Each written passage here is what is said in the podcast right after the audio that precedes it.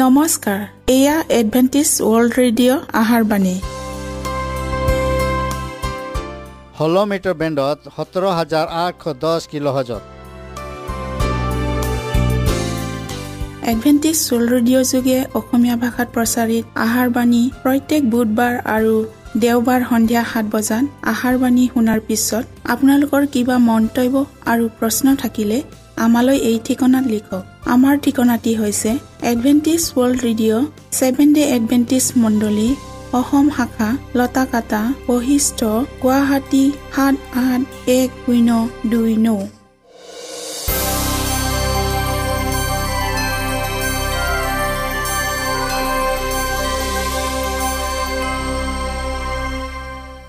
প্ৰিয় শ্ৰোতা বন্ধুসকল এতিয়া শুনো আহক এটি খ্ৰীষ্টীয় ধৰ্মীয় গীত।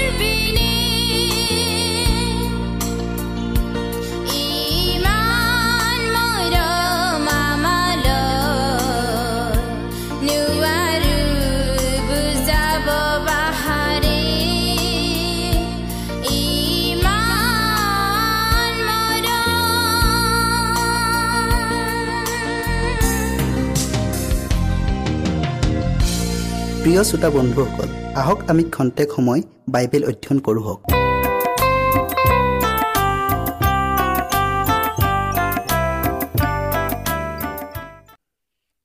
বিষয় হৈছে আজি মই ঈশ্বৰৰ সত্যমণ্ডলী বিচাৰি পাব পাৰোঁনে?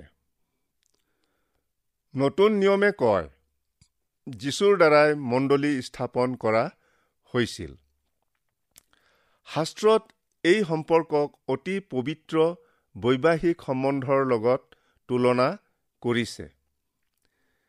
কাৰণ খ্ৰীষ্টীয়ৰ হাতত সতী কন্যা স্বৰূপে সমৰ্পণ কৰিবৰ অভিপ্ৰায়েৰে তোমালোকক একমাত্ৰ স্বামীলৈ বাগদান কৰিলোঁ। খ্ৰীষ্টিয়ান মণ্ডলী হৈছে এজনী সতী স্বৰূপা কন্যা। খ্ৰীষ্টীয়ৰ পবিত্ৰ মণ্ডলীৰ বাবে এক উপযুক্ত প্ৰতীক। পুৰণি নিয়মটো ইছৰাইলসকলক বৰ্ণনা কৰিবলৈ ঈশ্বৰৰ মনোনীত জাতি বুলি চিনাকি দিবলৈ সেই একে উপমাকে ব্যৱহাৰ কৰা হৈছে। ঈশ্বৰে ইছৰাইলক কৈছিল বাগদান কৰা কন্যাৰ নিচিনাকৈ তুমি মোক প্ৰেম কৰা।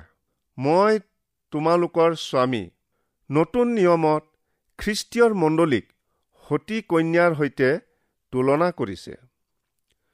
পবিত্ৰ বাইবেলৰ শেষ পুস্তক প্ৰকাশিত বাক্য পুস্তকখনেও মণ্ডলীক এজনী তিৰোতাৰ লগত তুলনা দিছে। পাছে সৰ্গত এটা মহৎ চিন দেখা গ'ল। সূৰ্যক পিন্ধা আৰু ভৰিৰ তলত চন্দ্ৰ থকা আৰু মূৰত বাৰটা তৰাৰ কিৰিটি পিন্ধা এজনী তিৰোতা দেখা গ'ল। তিৰোতাগৰাকী সূৰ্যক পিন্ধিছিল। ইয়াৰ অৰ্থ এইটো যে মণ্ডলী সূৰ্যৰ নিচিনাকৈ জিলিকি থাকিব।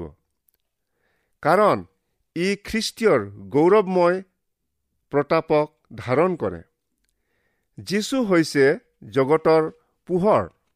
এই পোহৰ মণ্ডলীৰ প্ৰতিজন ব্যক্তিৰ যোগেদি প্ৰকাশিত হ'ব লাগে। আৰু এইদৰে তেওঁবিলাকেও জগতৰ পোহৰ বুলি প্ৰখ্যাত হ'ব লাগে। তিৰোতাগৰাকীৰ ভৰিৰ তলত চন্দ্ৰ আছিল। পুৰণি নিয়মত ঈশ্বৰৰ লোকসকলৰ পৰ্ব পালন আৰু বলিদানৰ সুবাৰ্তাক চন্দ্ৰৰ প্ৰতিফলিত কৰা পোহৰৰ লগত তুলনা কৰা হৈছে। চন্দ্ৰটো তাইৰ ভৰিৰ তলত থকা কথাটোৱে মুচিৰ যোগেদি ইছৰাইলবিলাকলৈ দিয়া শুভবাৰ্তাৰ পোহৰক খ্ৰীষ্টীয়ৰ বলিদানৰ দ্বাৰাই শেষ কৰা হ'ল। অৰ্থাৎ পুৰণি নিয়মৰ যি পৰ্ব পালন আৰু বলিদানৰ প্ৰথা তাৰ আৰু প্ৰয়োজন নাই। তিৰোতাগৰাকীৰ মূৰত বাৰটা তৰা থকা এটা কিৰিটি আছিল। তৰাই সঠিককৈ বাৰজন পাচনি আৰু বৰ্তমান কালৰ সাধু সন্তসকলক যিসকলে খ্ৰীষ্টীয়ক তেওঁলোকৰ আচাৰ ব্যৱহাৰ চৰিত্ৰ চলন ফুৰণৰ দ্বাৰাই বৰ দক্ষতাৰে প্ৰকাশ কৰিব পাৰিছে তেওঁলোকক বুজায়। স্পষ্টৰূপে এই তিৰোতাগৰাকীৰ বিষয়ে বৰ্ণনা কৰিবলৈ যাওঁতে জোহনে পুৰণি নিয়মৰ ঈশ্বৰৰ লোক ইছৰাইলসকলক নতুন নিয়মৰ খ্ৰীষ্টিয়ান মণ্ডলী যাক যীশুৱে স্থাপন কৰিছিল তালৈ স্থানান্তৰ কৰা কথাটো মনত ৰাখিছিল। সেই সূৰ্য চন্দ্ৰ আৰু তৰাবোৰে খ্ৰীষ্টিয়ান মণ্ডলীৰ সুবাৰ্তা প্ৰচাৰৰ দ্বাৰাই পোহৰ বিলাই দিয়া বিষয়টোকে জোৰ দিছে। ছয়তানৰ কুচক্ৰান্ত ব্যৰ্থ হৈছিল। মঞ্চত তিৰোতাগৰাকীয়ে প্ৰৱেশ কৰি নাটকৰ এক প্ৰধান ভূমিকা পালন কৰিছিল। তেওঁ গৰ্ভৱতী আছিল আৰু প্ৰসৱ কৰিবৰ কাৰণে প্ৰসৱ বেদনাৰে পীড়িত হৈ আতাহ পাৰি আছিল। আৰু সৰ্গত আন এটা চিন দেখা গ'ল। চোৱা সাতোটা মূৰ দহোটা শিং আৰু মূৰত সাতোটা কিৰিটি থকা এনে এটা বৰ নাগ আছিল। তাৰ নেজে আকাশৰ তৰাবোৰৰ তিনি ভাগৰ এভাগ টানি নি পৃথিৱীত পেলাই দিলে। আৰু প্ৰসৱ কৰিবলৈ উদ্যত হোৱা সেই তিৰোতাই প্ৰসৱ কৰা মাত্ৰেই সেই নাগে তেওঁৰ সন্তানক গ্ৰাস কৰিবলৈ তেওঁৰ আগত থিয় হৈ আছিল। পাছে সেই তিৰোতাই এটি পুত্ৰ সন্তান প্ৰসৱ কৰিলে। তেওঁ লোহাৰ দণ্ডেৰে সকলো জাতিক শাসন কৰিব। সেই পুত্ৰক ঈশ্বৰৰ আৰু তেওঁৰ সিংহাসনৰ ওচৰলৈ তুলি নিয়া হ'ল। তিনিটা বিশেষ চৰিত্ৰই এই নাটকত অংশগ্ৰহণ কৰিছে। তিৰোতা ইতিমধ্যে ইয়াক ঈশ্বৰৰ মণ্ডলীৰ লগত তুলনা কৰা হৈছে।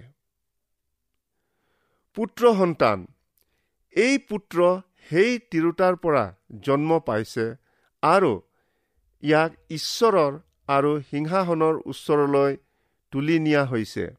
আৰু কোনোবা এটা দিনত সকলো জাতিকেই শাসন কৰিব। ঈশ্বৰৰ সিংহাসনৰ ওচৰলৈ তুলি নিয়া এই জগতত জন্মগ্ৰহণ কৰা একমাত্ৰ পুত্ৰটি আন কোনো নহয় যীশুহে। আৰু কোনোবা এটা দিনত তেওঁৱেই সকলো জাতিকে শাসন কৰিব। যিজনাৰ ৰাজত্বৰ কেতিয়াও অন্ত নহ'ব।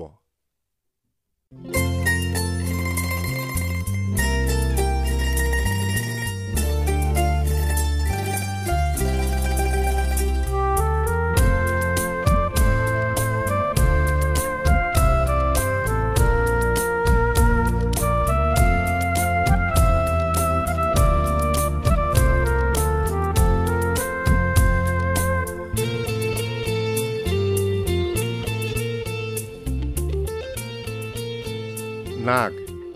ই ছৈতানক বুজাইছে। সেই পুৰণি সাপ এডেনবাৰীত হাৱাক ফুচলাইছিল। আৰু সৰ্গত যুদ্ধ হ'ল। মিখায়েল আৰু তেওঁৰ দূতবিলাকে নাগে সৈতে যুদ্ধ কৰিলে। সেই নাগ আৰু তাৰ দূতবিলাকেও যুদ্ধ কৰিলে। কিন্তু বলে নোৱাৰিলে। আৰু সৰ্গত তেওঁবিলাকৰ উদ্দেশ্যে ঠাই আৰু পোৱা নগ'ল। সেই মহান নাগক অৰ্থাৎ দিয়াবল আৰু ছৈতান নামেৰে বিখ্যাত হোৱা যি পুৰণি সাপে গোটেই জগতৰ ভ্ৰান্তি জন্মাই তাক পৃথিৱীলৈ পেলোৱা হ'ল। আৰু তাৰ দূতবিলাককো তাৰ লগতে পেলোৱা হ'ল। এই চিত্ৰই আমি স্পষ্টকৈ বুজি পোৱাকৈ ইয়াৰ প্ৰতীকবোৰক প্ৰকাশ কৰিছে। যেতিয়া ছৈতান আৰু তাৰ দূতবিলাকে সৰ্গত ঠাই হেৰুৱাই লোৱাত সিহঁতক পৃথিৱীলৈ পেলাই দিয়া হৈছিল। যেতিয়া যীশু এই পৃথিৱীত জন্মগ্ৰহণ কৰিছিল তেওঁ জন্মগ্ৰহণ কৰাৰ লগে লগেই ছয়তানে পুত্ৰ সন্তানক অৰ্থাৎ যীশুক নাশ কৰিবলৈ চেষ্টা কৰিছিল। সি এই কাৰ্যত অকৃতকাৰ্য হোৱাত খ্ৰীষ্টীয়ই স্থাপন কৰা খ্ৰীষ্টিয়ান মণ্ডলীবোৰক ধ্বংস কৰিবলৈ ছয়তানে মনস্থ কৰিলে। পাচনি জোহনে যিজন প্ৰকাশিত বাক্য পুস্তকখন লিখিছিল এই পৃথিৱীত ঘটা খ্ৰীষ্টীয় আৰু ছয়তানৰ মহাসংসৰ্গৰ দৃশ্যক দেখিবলৈ পাইছিল। যেতিয়া এই সংসৰ্গৰ চৰম সীমা খ্ৰীষ্টীয়ৰ ক্ৰুচবিদ্ধ হোৱা কালত উপনীত হৈছিল তেতিয়া সৰ্গৰ পৰা অহা এক বৰ মাত জোহনে শুনিবলৈ পাইছিল। এতিয়া পৰিত্ৰাণ শক্তি আৰু ৰাজ্য আমাৰ ঈশ্বৰৰ আৰু ক্ষমতা তেওঁৰ অভিষিক্ত জনাৰ হ'ল। কিয়নো আমাৰ ভাইবিলাকৰ যি অপবাদকে দিনে ৰাতিয়ে আমাৰ ঈশ্বৰৰ আগত তেওঁৰ বিলাকৰ অপবাদ দিয়ে তাক পেলোৱা হ'ল। খ্ৰীষ্টিয়ান মণ্ডলী ছৈতানৰ সৈতে সংঘৰ্ষত লিপ্ত হোৱা। যীশু সৰ্গাৰোহণ হোৱাৰ আগতে তেওঁ খ্ৰীষ্টিয়ান মণ্ডলী স্থাপন কৰিছিল যাক তিৰোতাৰ প্ৰতীকেৰে বুজাইছে।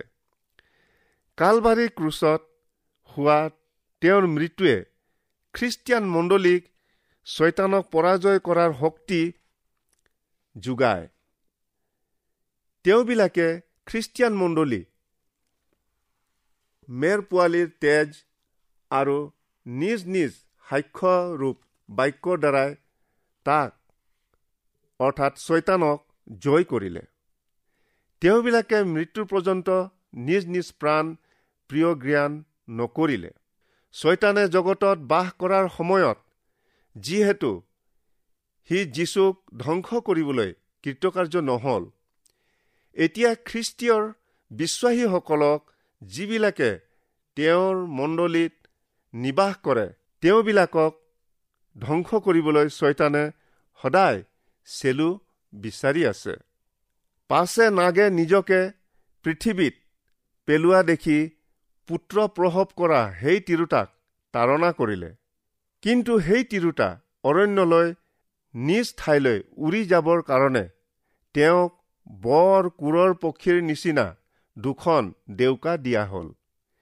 সেই ঠাইত সেই সাপৰ সন্মুখৰ পৰা দূৰৈত এক কাল দুই কাল আৰু আধা কাললৈকে প্ৰতিপালিত হয়।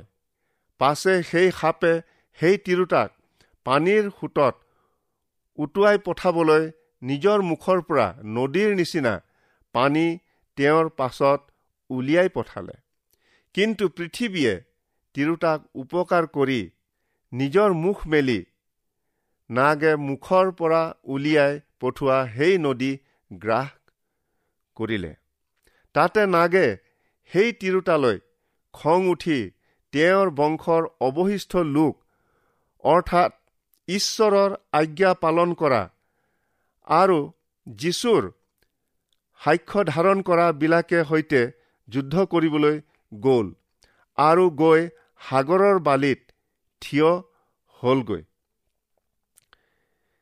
যেনেকৈ ভৱিষ্যতবাণী কৰা হৈছিল ঠিক তেনেকৈ খ্ৰীষ্টিয়ান শতিকাৰ অন্ধযুগৰ সময়ছোৱাত ছয়তানে তাৰণাৰ সোঁতেৰে খ্ৰীষ্টীয় মণ্ডলী বিনষ্ট কৰিবলৈ বিচাৰিছিল। মণ্ডলী বিনষ্ট কৰাৰ দ্বাৰা খ্ৰীষ্টীয়ৰ প্ৰভাৱক ছয়তানে ধ্বংস কৰিব বিচাৰে আৰু তাৰ যিমান অসৎ কলা কৌশল আছে আটাইতকৈ এই কাৰ্যত সৰ্বতো প্ৰকাৰে ব্যৱহাৰ কৰে। সেই নাগে প্ৰাথমিকভাৱে চৈতানকে সূচায়। কিন্তু মনত ৰাখিব ঈশ্বৰৰ লোকসকলক আক্ৰমণ কৰিবলৈ ছয়তানে নিজ কাৰ্যত মানুহৰ কলা কৌশলকো নাগ হিচাপে ব্যৱহাৰ কৰে অৰ্থাৎ মানুহকো তাৰ প্ৰতিনিধি হিচাপে ব্যৱহাৰ কৰে। যীশুখ্ৰীষ্টীয় জন্ম পোৱাৰ লগে লগে তেওঁক হত্যা কৰিবলৈ ছয়তানে ৰোমৰ ৰজা হেৰুদক ব্যৱহাৰ কৰিছিল।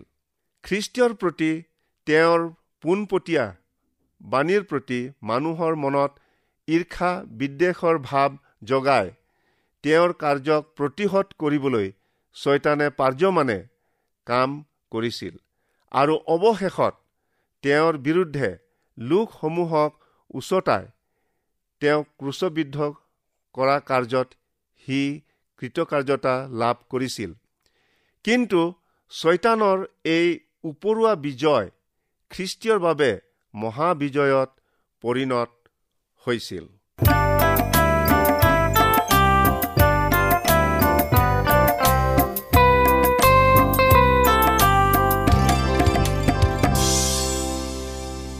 ইমানপৰে আমি বাইবেল অধ্যয়ন কৰিলোঁ। এতিয়া আকৌ শুনো আহক এটি খ্ৰীষ্টীয় ধৰ্মীয় গীত।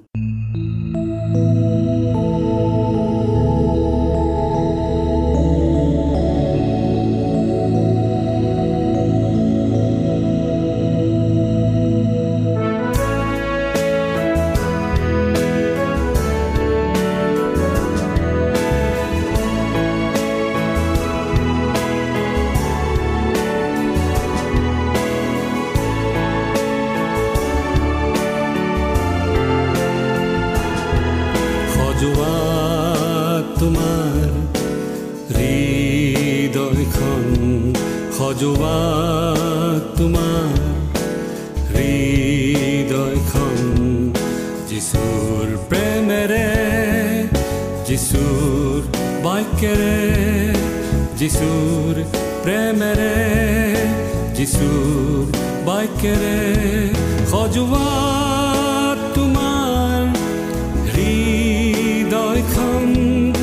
সজোৱা তোমাৰ হৃদয়খন যিচুৰ সত্যেৰে যিচুৰ পোহৰেৰে সজোৱা যিচুৰ সত্যেৰে যিচুৰ পোহৰেৰে সজোৱা সজোৱা তোমাৰ হৃদয়খন সজোৱা তোমাৰ। হৃদয়খন যিচুৰ প্ৰেমেৰে যিচুৰ বাক্যেৰে যিচুৰ প্ৰেমেৰে যিচুৰ বাক্যেৰে সজোৱা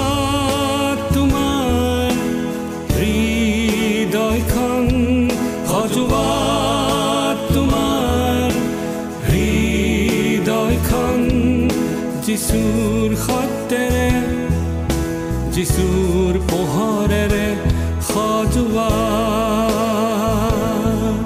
যিচুৰ সত্যেৰে যিচুৰ পোহৰেৰে সজোৱা